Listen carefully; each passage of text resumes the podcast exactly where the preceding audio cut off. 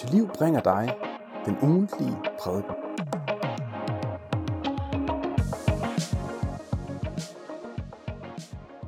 Jeg vil øh, tale om et emne i aften. Første aften så så vi på emnet tro på evangeliet. I går så vi på død eller levende tro. Og i aften, der skal vi så se på tvivlende tro. Tvivl og tro. Inden vi gør det, inden jeg læser det vers, vi skal til udgangspunkt i, så vil jeg lige bede igen. Herre Jesus, du ser, at vi skal være sammen om et emne i aften, som øh, kan fylde for nogen herinde på en særlig måde. Og herre, du ser også, at øh, man kan føle, at man er helt derude, hvor man ikke kan bunde længere. Og der beder jeg dig om, at du må tale med din ånd, at du må give det, som den enkelte har brug for. Amen. Vi vil øh, tage udgangspunkt i et vers fra 1. Johannesbrev igen i aften, nemlig fra kapitel 5, vers 13.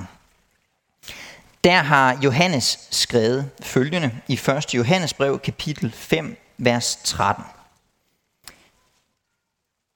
Dette har jeg skrevet til jer, der tror på Guds søns navn, for at I skal vide, at I har evigt liv.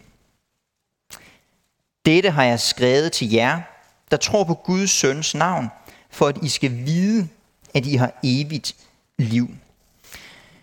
Jeg tror rigtig mange får en fornemmelse, når de læser sådan her vers, at det er jo totalt umuligt, det her vers, at forholde sig til. Hvordan kan man vide, at man har evigt liv? Er der overhovedet noget i troen, der på nogen som helst måde kan være så sikkert, at man kan tale om det som viden? Og jeg ved ikke, hvordan den enkelte af jer har det, men jeg ved, at der er mange, der kæmper med tvivl. Det har jeg selv gjort. Og så kan det godt føles som om, at det her det er godt nok et svært vers at forholde sig til. For nogen fylder det måske ikke så meget, men jeg tror for alle fylder det i et eller andet omfang. Alle har stort set prøvet at tvivle i en eller anden forstand. Og for nogen er det måske en dyb og vedvarende tvivl, der ligesom ligger under overfladen. Det kommer lidt i bølger en gang imellem, men det bliver bare ved med at være der. Det bliver bare ved med at trænge frem, komme ud, og det er svært at forholde sig til. Og der vil jeg starte med at sige en lille smule om, hvad det her vers betyder. Jeg tror, det er vigtigt at læse det rigtigt. For det at vide, og det at have vidshed i kristen forstand, det er ikke, at jeg har en meget stærk tro på Jesus.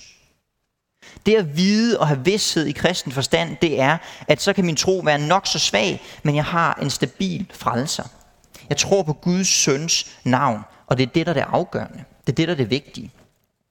I vores kultur, der er det som regel omvendt. I den almindelige dansk kultur, når vi taler om tro, så er det ikke sindssygt vigtigt, hvem du tror på, eller hvad du tror på. Det afgørende, det er, at din tro den er stærk. Fordi det vigtigste, det er jo, hvad din tro giver dig. Tro, det er noget spirituelt, det er noget, du kan mærke. Og det vigtige, det er ikke, hvad du tror på, men det er, at det giver dig noget godt. Og i Bibelen, der er det bare omvendt. I Bibelen, der er det omvendt. Der er det ikke så vigtigt, hvordan din tro er. Det er ikke vigtigt, om den er super stærk. Det, der er det afgørende, det er, hvem du tror på. Og det betyder også, at du kan også godt være en kristen, selvom du har en svag tro. Du kan også godt tro på Jesus, selvom du føler det nogle gange er usikkert. Selvom du vakler i det. Det, som jeg alligevel vil i aften, det er, at jeg vil gerne sige noget til dig, som synes, det er svært at være i. Det, at du tvivler, det er ikke det samme som, at du ikke er kristen. Men jeg vil alligevel gerne sige noget til dig, som synes, det, her, det er rigtig, rigtig svært. Der er nogen, som øh, måske tænker, det er ikke mig. Jeg synes egentlig ikke, det er et problem. Det er også helt fint, men det kan blive det. Det kan være noget, der bliver en udfordring, og i hvert fald så tror jeg, at vi alle sammen kender nogen, for hvem det er en udfordring, hvor det fylder rigtig meget. Og jeg vil gerne prøve at sige noget til dig, som er derude, hvor du faktisk er ved at overveje, om du skal droppe kristendommen, om du skal droppe din tro. For jeg tror, der er nogen af jer, der sidder her. Jeg tror, der er nogen af jer, der sidder her i aften og tænker, måske så ung uge, det er den sidste chance, jeg giver kristendommen. Måske er jeg ved at være der, hvor jeg ikke engang er sikker på, at jeg er kristen længere. Det er dig, jeg gerne vil sige noget til i aften. Og det er virkelig, virkelig svært at skulle sige noget til nogen af jer, der har det på den måde. Jeg kommer til at gøre det sådan, at det bliver nogle spredehavl. Jeg har syv punkter, som jeg vil sige noget om. Og det er årsagen til, at jeg har valgt at gøre det på den måde. Det er fordi, jeg godt ved, hvor svært det er. Der var en periode i mit liv, hvor jeg virkelig kæmpede med tvivl. Og derfor så ved jeg også godt, hvor utilstrækkeligt alt det, jeg kommer til at sige, det vil føles for nogle af jer. Jeg har prøvet at sidde på den anden side på bænken og følt, at uanset hvad prædikanterne sagde, så var det meningsløst, og det gav ikke nogen mening for mig, at det de sagde, det skulle være sandt. Og derfor så ved jeg godt, det er svært det her. Og for det andet, så er der nok nogle af jer, der sidder og tænker, det er fint nok, det du beskriver der, det er nok nogen, der har det sådan, men du kender ikke mig, du kender ikke min tvivl, du rammer ikke ind i lige præcis som det, som jeg har det, sådan som jeg har det lige nu. Og det er rigtigt nok. Det er rigtigt nok, jeg kommer ikke til at ramme hver eneste af jer plet. Det gør jeg virkelig ikke. Men det er en af forudsætningerne for at være menneske. I det øjeblik, du åbner en dialog med den andet menneske, så vil de altid kun kunne ramme delvist rigtigt. De vil aldrig helt kunne sætte ord på det, som du føler lige nu. Og jeg vil naturligvis ikke kunne ramme plet på alle jer, der sidder herinde. Det jeg prøver at opfordre til nu, det er, lad være at opgive af den grund. Det kan godt være, at du i lang tid har følt, at de andre forstår mig ikke. Uanset hvem jeg taler om med det her, så er det som om, de ikke rigtig sætter ord på den tvivl, jeg har. Det tror jeg også delvist er rigtigt. Men prøv alligevel at give det en chance. Jeg vil øh, sige syv ting. Og øh, det kommer til at være i følgende punkter. Først så vil jeg sige noget ud fra tre generelle livslove. Livslove i, i anførselstegn. Nogle almene ting, som gælder for alle mennesker. Noget, som kendetegner det at være menneske. Og det første, det er, at livet det kommer i faser. Livet det kommer i faser, og det påvirker selvfølgelig også din tro. Livet kommer i faser. For rigtig mange år siden, der var der en, øh, en bibelskolelærer på Luthers Missions Højskole, det er vel 70 år siden eller sådan noget, der hed Marius Jørgensen. Og han er kendt for at have sagt, at Helion, han går i seng kl. 23. Helion, han går i seng kl. 23. Det han mente med det, og det er selvfølgelig en firkantet formulering, det han mente med det, det var, du bliver påvirket af alt i dit liv. Og det nytter ikke noget nødvendigvis at gå til sjælesørg, sjælsorg efter kl. 11, hvis du i virkeligheden er uoplagt, og hele din verden den bare brænder sammen. Og derfor så mente han, at det er bedre at få en god nat søvn, og så snakker vi om det i morgen. I overført betydning, så kan det jo godt være sådan lige nu, at det er nat i dit liv, og du er død træt. Fordi der er nogle omstændigheder, som bare er svære. Nogle omstændigheder, som spiller ind, og det fylder faktisk noget, og det kan være noget af det, der gør, at du kæmper med tvivl. Sygdom på den ene eller den anden måde. Måske psykisk sygdom. Måske det, at du har kærestesover. Måske at dine forældre blevet skilt. Måske så står du i en livssituation, hvor du for første gang føler dig rigtig usikker, fordi du skal starte på gymnasiet. Eller du er blevet færdig med gymnasiet. Eller du er på en arbejdsplads, hvor du tænker, hold da op, den her jargon er jeg ikke vant til. Og så spørger man sig selv, hvem er jeg? Hvad er min livssituation lige nu? Og så bliver man usikker. Og det skaber selvfølgelig tvivl om alt muligt, men selvfølgelig påvirker det også din tro. Og det jeg vil sige med det, det er, at så betyder det ikke, at din tvivl den er ligegyldig. Det betyder ikke, at de spørgsmål, du har lige nu, de bare skal ignoreres. Det jeg prøver at sige, det er, lad være at vurdere alting ud fra den fase, du er i lige nu. Giv dig selv gode betingelser. Giv dig selv god tid til at kunne være i det i en længere periode. For måske er du mere påvirket af det, du står i, end du lige er opmærksom på lige nu. Og nogle ting kan blive bedre. Og så prøv at tænke lidt over, hvad er det så for en tvivl, der fylder hos dig? For når du begynder at tænke over det, så bliver det også nemmere at spørge sig selv, okay, hvad kan jeg så gøre ved det? For nogen, der fylder den, det man kunne kalde en indre tvivl, en klassisk tvivl rigtig meget. Spørgsmålet som, elsker Gud mig? Kan jeg overhovedet blive frelst? Det er der mange, der kæmper med. For andre, og det er måske endnu flere, der kæmper med det, så er det mere sådan en intellektuel tvivl eller en sandhedstvivl. Er det overhovedet sandt, det som kristendommen siger? Er Bibelen overhovedet Guds ord? Og yderligere igen, så er der måske nogen, der kæmper med sådan en helt grundlæggende eksistentiel tvivl, hvor de bare føler, at livet det er forfærdeligt. Det er virkelig hårdt. Og eksisterer der overhovedet en Gud? Og hvis han eksisterer, elsker han så overhovedet sådan en som mig? Eller er han bare totalt fraværende? Det tror jeg godt at tænke over. Det tror jeg godt at reflektere over. Fordi hvis du sætter dig ned og siger, hvad er det egentlig, der fylder mest for mig, så kan det jo godt være, at det har noget med min livsfase at gøre. Og så vil jeg bare sige, før du smider kristendommen ud til højre, så prøv lige at være opmærksom på den livsfase, du befinder dig i, for der er et helt langt liv foran dig. Der er et helt langt liv foran dig. Dem, jeg kommer til at tale mest til i aften, i hvert fald umiddelbart, det er dig, som kæmper med intellektuel tvivl. Dig, som synes, det er svært at tro på, at kristendommen den er sand. Men forhåbentlig er der også noget til, til nogle af jer andre, hvor det, det andet, der fylder.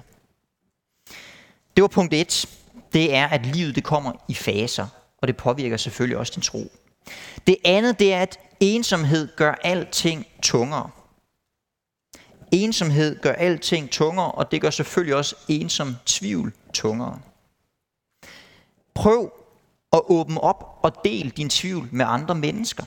Måske har du allerede gjort det, men prøv at gøre det igen. Nytestamentet siger noget meget sundt, noget meget godt om, hvordan vi i de kristne fællesskaber skal reagere, når folk kæmper med tvivl. I uh, Judas brev, vers 22, der skriver Judas, at der er nogle, som I skal være barmhjertige imod, nemlig dem, der tvivler. Det tror jeg er vigtigt, at alle os, der sidder her, er opmærksom på, der er nogen, vi skal være barmhjertige imod. Når folk deler sin tvivl, så kalder det på barmhjertighed, forstået som omsorg, forbøn. Det er, at man lever med i det, i stedet for bare at lukke af. Og så ved jeg godt, at så er reaktionerne forskellige. Jeg oplevede på et tidspunkt, at jeg delte min tvivl i det kristne fællesskab, jeg var i, og der skete der to ting. Og den ene ting, det var, at umiddelbart så sagde folk, det vil vi gerne bede for. Og så bad de konkret for mig den aften, og det var virkelig, virkelig godt at opleve, at de bad for mig. Men lidt senere så skete der det, at der bare var tavshed.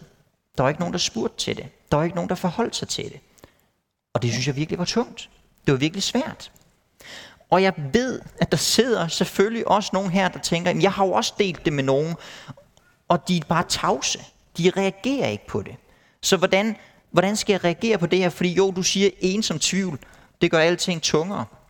Men nu har jeg prøvet at dele det. Der vil sige, bliv ved. Og så lad være at have alt, alt for høje forventninger til dem, du er sat i blandt. Fordi du har også prøvet, at nogen delte noget, der var svært i et eller andet omfang, og du tænkte, det kan jeg ikke forholde mig til lige nu. Og selvfølgelig kan de andre også godt have det sådan. Du kan ikke forvente, at de andre engagerer sig i dit liv hele tiden. Men derfor tror jeg det er godt selv at insistere på det, at så opsøger jeg nogle bestemte. Gør noget ved det. Opsøg nogen bevidst, nogle gode venner, en sjælesørger, måske nogle forældre, whatever, og så insistere på samtalen. Fordi hvis du sidder og venter på de andres initiativ, så kan det godt være, at det ikke kommer. Men det skal du ikke vente på. Tag initiativet selv. Det tror jeg er godt at gøre. For hvis det, du er ensom med det, så bliver det bare meget tungere. Og så for det tredje, refleksion, det er faktisk okay. Og det kan også godt blive godt, selvom den endda skaber tvivl. Refleksion, det er okay. Jeg vil gerne prøve at dele et citat, som øh, da jeg sad og forberedte mig, øh, det slog mig, hvor banalt det egentlig var, det citat. Men det var et citat, som jeg mødte for mange år tilbage, og som blev virkelig epokegørende for mig selv. Det blev noget, jeg virkelig lagde mærke til og tænkte over. Og det siger egentlig ikke frygtelig meget, men, men det var stadig vigtigt for mig at, øh, at møde det citat. Fordi på den ene side, der havde jeg det sådan, at, at jeg var ret bange for min tvivl. Den her refleksion, den frygtede jeg lidt, fordi hvad hvis jeg kommer til at tænke over nogle ting, der på sigt fører mig væk fra Jesus, dræber min tro? Er spørgsmålene så ikke dybest set farlige at engagere sig i? Det var sådan min ene frygt. Den anden store frygt, jeg havde, eller det som i hvert fald var noget af det, der også fyldte, det var min stolthed. Altså, frygten for, at hvis jeg nu begynder at stille de her spørgsmål, og jeg så bare ender med at konkludere det samme, som jeg altid har troet, er jeg så ikke uoprigtig? Er jeg så ikke uærlig? Og det frygtede jeg lidt, fordi det ville sove min stolthed. At jeg er jo sådan en, der virkelig tænker tingene ordentligt igennem. Begge dele fyldte noget. Jeg var bange for, hvor spørgsmålene skulle lede mig hen. Og så var der den her stolthed, hvor jeg tænkte, uanset hvad, så kan jeg i hvert fald ikke tillade mig at tænke det samme bagefter. Jeg er nødt til at finde et nyt svar, end det jeg tror på lige nu. Ellers så er jeg ikke oprigtig nok. Og i den fase, der mødte jeg så det her citat, som er sagt i et foredrag af en mand, der er sovnepræst i København lige nu, Jens Ole Christensen. Han sagde sådan her, et hvert reflekteret opgør med et eller andet fænomen vil altid have et eller andet overskud i sig. Også selvom jeg ender det samme sted med den samme holdning, som da jeg startede. Der er altid et eller andet, man kan blive klogere på. Det han mener, det er, det er ikke farligt at reflektere. Det er ikke farligt at tænke over det. Det, at du pludselig begynder at tænke over nogle ting, og du kan mærke, at tvivlen den nærmer sig. Det er ikke det samme som, at du går den visse død i møde for din tro. Det er ikke nødvendigvis det, der vil ske. Det er okay at stille spørgsmålene. Det er okay at engagere sig i refleksionen. Det gør dig ikke sådan, det er ikke farligt nødvendigvis. Og det var vigtigt for mig at blive opmærksom på det. Okay, det er ikke farligt at reflektere over det her. Min, min tro dør ikke nødvendigvis af det, at det pludselig skaber tvivl. Det andet, det med min stolthed, det synes jeg faktisk også citatet svarer rigtig godt på. Der er altid et eller andet, man kan blive klogere på. Også selvom du ender det samme sted. Også selvom du har den samme holdning bagefter. For at tage et eksempel. Der er rigtig, rigtig mange danskere, forhåbentlig de fleste, der er demokratisk sindede. De tænker, at demokrati er den bedste styreform. Det tror vi. Og rigtig, rigtig mange af dem, de har aldrig nogensinde tænkt over det. Det er ikke sådan, de har siddet og vejet for og imod og tænkt styrker og svagheder. Men der er jo også nogen, der har gjort det. Der er nogle mennesker i Danmark, der virkelig har overvejet, om demokrati virkelig er den bedste styreform. Arbejder med, om det kunne være, at vi skal tænke alternativt om det. Og de fleste af dem, de er formentlig endt med stadigvæk at tænke demokratisk. De synes stadigvæk, at demokrati det er den bedste styreform. Betyder det, at alle dem, der har overvejet det her, og ender præcis det samme sted, som der, hvor de blev opdraget, det som de har troet indtil nu, betyder det, at de alle sammen er nogle hyklere? Betyder det, at de alle sammen var uærlige i deres refleksion og deres søgen efter alternative svar? Nej, det betyder det ikke nødvendigvis. Det kan jo faktisk godt være, at det du er blevet opdraget med, eller det du tror på, eller i hvert fald håber du tror på, at det faktisk er sandt. Og så er det okay at reflektere over det. Men det gør dig ikke til en uærlig hykler, hvis du lander det samme sted, som du hele tiden har været, og siger, ja, jeg tror faktisk, det er rigtigt det her. Det var de tre generelle livslove, og det her det kunne siges om stort set alle mennesker. Det kunne siges også til mennesker, der ikke er kristne. Der er noget godt i at tænke over det her. Livet kommer i faser, ensomhed gør det tungere, og refleksion, det er altså okay. Nu vil jeg så i stedet for vende mig mod fire provokationer, eller opfordringer. Og det er til dig, som øh, er kristen, eller i hvert fald gerne vil være det. Den første provokation eller opfordring, det er, at tvivl og stolthed hænger sammen. Tvivl og stolthed hænger sammen. Tvivl, det kan opleves som en enorm smerte. Det kan virkelig være svært at tvivle. Men samtidig så tror jeg, mange vil kende til, at smerten den har også en, en vis sødme. Man kan faktisk næsten godt lide at engagere sig i det. At jo, jeg har det virkelig svært, det, jeg kæmper med det, og det fylder meget negativt, men alligevel er det som om, det er rart at have det. Det er rart at have den her tvivl i baghånden. Der er noget rart i at kunne dyrke det. Og konsekvensen bliver, hvis du har det sådan her, at det kan være, at du møder nogle gode håndsrækninger. Du kæmper med et eller andet, du tænker på et eller andet, og så får du et godt svar på det. Men så afviser man det, fordi hvis jeg skulle godkende det her svar, hvis jeg bare skulle tage det til mig, så betyder det, at den her tvivl, jeg måske har gået med i flere år, i virkeligheden var den måske ikke helt så gennemtænkt, helt så skudsikker, helt så sofistikeret, som jeg egentlig først forestillede mig. Og hvis jeg bare skal acceptere det svar, så, ah, mand, så lider min stolthed altså et knæk. Det gør den. Positivt, så betyder stolthed jo, at man ikke bare køber et hvert svar. De letkøbte svar, det er ikke bare dem, man tager imod. Stoltheden hjælper mennesker til at sige, nej, jeg vil faktisk gøre det ordentligt, fordi jeg fortjener bedre. Jeg vil have et ordentligt svar. Det er den positive del af det. Negativt, så kan stolthed jo betyde, at man i virkeligheden mere fokuseret på, hvad andre tænker om en. Noget af det, som jeg oplevede i gymnasiet, det var, at jeg var faktisk bange for at være intellektuelt underlegen. Jeg brød mig ikke om, hvis de andre skulle tænke på mig som en, der ikke var helt lige så klog som dem. Så for mig der var det en kæmpe stor bed, da der en dag var en pige, der udbryder sådan, Lars, tror du virkelig, at Jesus gik på vandet? Du er da ellers klog nok. Altså underforstået, det kan du jo så ikke helt være alligevel. Altså, hvordan kan man være rigtig klog og tro på, at Jesus gik på vandet? Og for mig, der var det noget af det, der gjorde, at jeg fik tvivl. Fordi jeg følte mig intellektuelt underlegen. Jeg var åbenbart ikke lige så intelligent som de andre. Eller når jeg sagde, at jeg faktisk troede, at Gud havde skabt verden, og min fysiklærer så bare stod og grinte mig op i ansigtet. Det synes jeg virkelig var en udfordring. Det tror jeg, nogen af jer vil kende. Det kan også være socialt. At man har en oplevelse af, jeg hører ikke med på det gode hold. Jeg er den eneste på arbejdspladsen. Jeg er den eneste i klassen, der har det sådan her, at jeg tror på det her. Og pludselig så er jeg ikke ham, der altid er på vindersiden. Jeg er i mindretal. Jeg er alene med det, jeg tror på. Og det er faktisk svært. Det udfordrer mig socialt. Jeg bliver underlegen af det. De her to ting, det fyldte meget for mig. Men jeg tror også, der er noget, der fylder noget for mange, nemlig moral. At føle sig moralsk underlegen. Det, at man har en oplevelse af, at det, jeg tror på, det er i virkeligheden ikke særlig kærligt. Det er i virkeligheden ikke særlig godt. Fordi Bibelen og min tro, den har så mange forarvelige sider. Der står sådan noget om seksualetik, der står noget om abort, der står noget om alle mulige ting. Og så kigger de andre bare mærkeligt på mig, og de tænker, jeg er ikke lige så kærlig som dem. Jeg er faktisk et moralsk underlegent menneske. Og så bliver det måske rart at have tvivlen i baghånden. For når folk så spørger, tror du virkelig på det der syge noget? Så kan man sige, jo, men jeg tvivler altså også temmelig meget på det. Altså det, det er også en stor kamp for mig. Sådan tror jeg, at mange af jer kan genkende det. Der er faktisk noget stolthed, der hænger sammen med det her. Intellektuelt, socialt eller moralsk, der bryder mig ikke om at være underlegen. Min stolthed, den lider et knæk. Det er det første. Det andet her, den anden provokation, det er, at viden er moralsk funderet. Viden, det er ikke bare viden, men viden bygger i høj grad på moral. Der er en amerikansk tænker, der hedder Jonathan Haidt.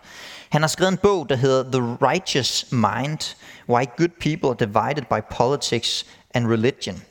Den, det retfærdige sind, hvorfor gode mennesker er delt af politik og religion. Det hans pointe i den bog er, det er, at vi tror som regel, at vores fornuft er den, der har kontrollen. Altså, jeg kommer frem til det, der er rigtigt og forkert, via min fornuft. Jeg tænker over det.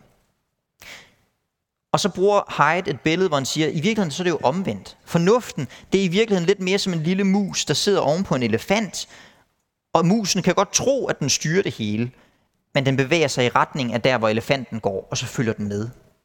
Og i virkeligheden så er det sådan, vi alle sammen fungerer i et eller andet omfang. Vi har en moral. Der er noget, der vi tror er rigtigt, der er noget, der vi tror er forkert. Og så finder vi bagefter nogle gode argumenter for det. Så er vi stort set alle sammen indrettet i et eller andet omfang. Og når rigtig mange mennesker i Danmark afviser kristendommen i den form, som den kommer til udtryk i Bibelen, så skyldes det jo ikke, at de har sat sig ned og tænkt over det. Så skyldes det jo ikke, at de har sat sig ned og virkelig overvejet for og imod og reflekteret dybt over det. For rigtig mange, der er kristendommen afvist på forhånd. Fordi at dens budskab, dens moral er forkasteligt. Det vil være et alt for stort offer at skulle være kristen. For det betyder, at man skal ofre en stor del af sin frihed. Og derfor overvejer man slet ikke kristendommen. Moralen får lov til at styre fornuftsargumenterne, og så bliver det nemt at finde nogle argumenter for det. Og min pointe her, det er, at vi bliver alle sammen påvirket moralsk af vores omgivelser. I går der holdt jeg et, øh, et seminar med en hel del andre, der var til stede, og vi snakkede om forskellige ting, hvor vi blandt andet kiggede på 2022. Hvad kendetegner 2022? Og et af de eksempler, jeg trak frem der, det var, at vi alle sammen bliver påvirket af fortællinger. Vi bliver alle sammen påvirket af forestillinger om, hvad der er det gode, hvad der er det sande. Og det betyder, at nogle ting påvirker os mere end andet. Hvis jeg sidder og ser 11 sæsoner af Modern Family, så ser jeg der et par, som er homoseksuelt, som lever et lykkeligt liv med op- og nedture, ligesom alle andre. Og selvfølgelig påvirker det mig. Fordi når jeg så læser en tekst som Romerbrevet kapitel 1, hvor der bliver talt om, at homoseksualitet og udleve det, at det er syndigt, så sker det. Det skuer. Det lyder forkert. For jeg har jo set, hvordan det ikke er sådan. Vores moral bliver påvirket. Og måske er det noget af det, du skal være opmærksom på. Din viden, den er ikke neutral.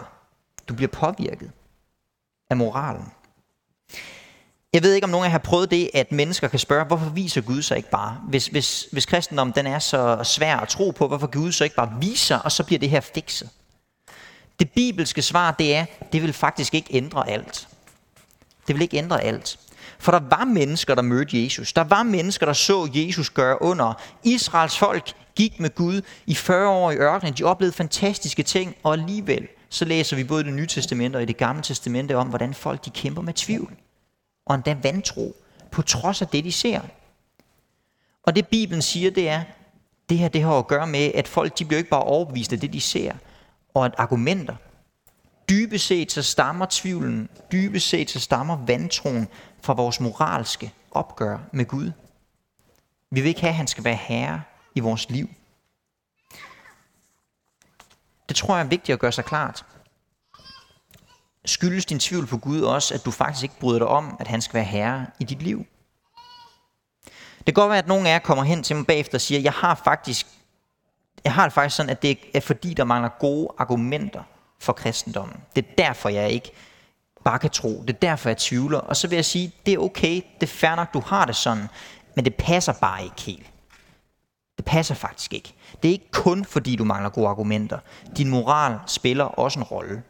Selvfølgelig gør den det. Og hvis en eller anden, der er muslim, er i tvivl om, hvorvidt Allah virkelig er den sande Gud, så spiller vedkommendes moral selvfølgelig også ind i den persons tro og tvivl. Fordi viden det er moralsk funderet. For det tredje, så gør noget. Gør noget, for så gør Gud noget ved dig. For nogle af jer, der handler det her simpelthen om, at I skal slukke for Netflix, og I skal lægge telefonen til side, og så skal I begynde at arbejde med det. Du kan ikke bare blive ved med at leve et liv, hvor du graver det ned, selvom det er rarere. Fordi hvis du bliver ved med bare at lægge det til side, så lægger det bare ned i kælderen og lugter, og du tager det ikke frem, og så bliver det helt meget værre af det. Begynd at arbejde seriøst med det. Jeg har læst en, øh, en lille bog af en svensk teolog, der hedder Stefan Gustafsson. Han har arbejdet meget med det, man kalder apologetik, trosforsvar. Og han har sagt noget, som jeg vil betragte som en spidsformulering, men jeg synes alligevel, det er tankevækkende. Hvor han siger sådan her. Manglen på trosforsvar har skabt en atmosfære af næsten pinlig intellektuel fattigdom i vores kirker. Mange har studeret ved universitetet og er vant til at modtage, øh, og nogle andre, eller de samme, er vant til at modtage avanceret information på arbejdspladsen. Ikke desto mindre befinder kommunikationen af troen sig alt for ofte på søndagsskoleniveau. Den intellektuelle skat, vi har fået igennem 2000 år med teologi, kirkehistorie, kristen filosofi, ligger stort set urørt. Udfordre dig selv. Det er sådan set bare det, der er pointen. Selvfølgelig er der nogen, for hvem det, er, det ikke er et issue. De tænker, det er ikke lige mig, fint nok.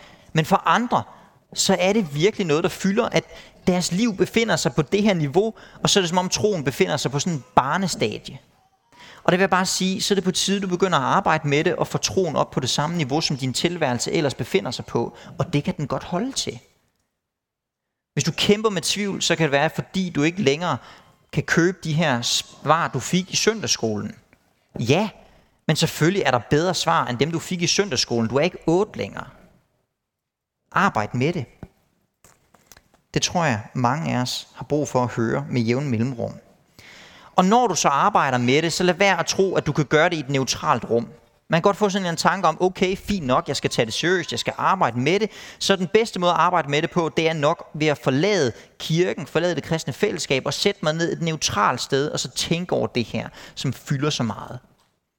Men der vil jeg sige, der findes ikke noget neutralt rum. Du bliver påvirket, uanset hvem du er færdig til blandt, uanset hvad du læser, uanset hvad du ser, uanset hvem du taler med, så bliver du selvfølgelig påvirket af noget. Og min udfordring til dig, det er, hvad med at blive i det bibelske verdensbillede? Hvad med at blive i det kristne fællesskab og tænke over det der? For jeg tror faktisk, at Gud han kan få dig i tale, hvis du bliver der.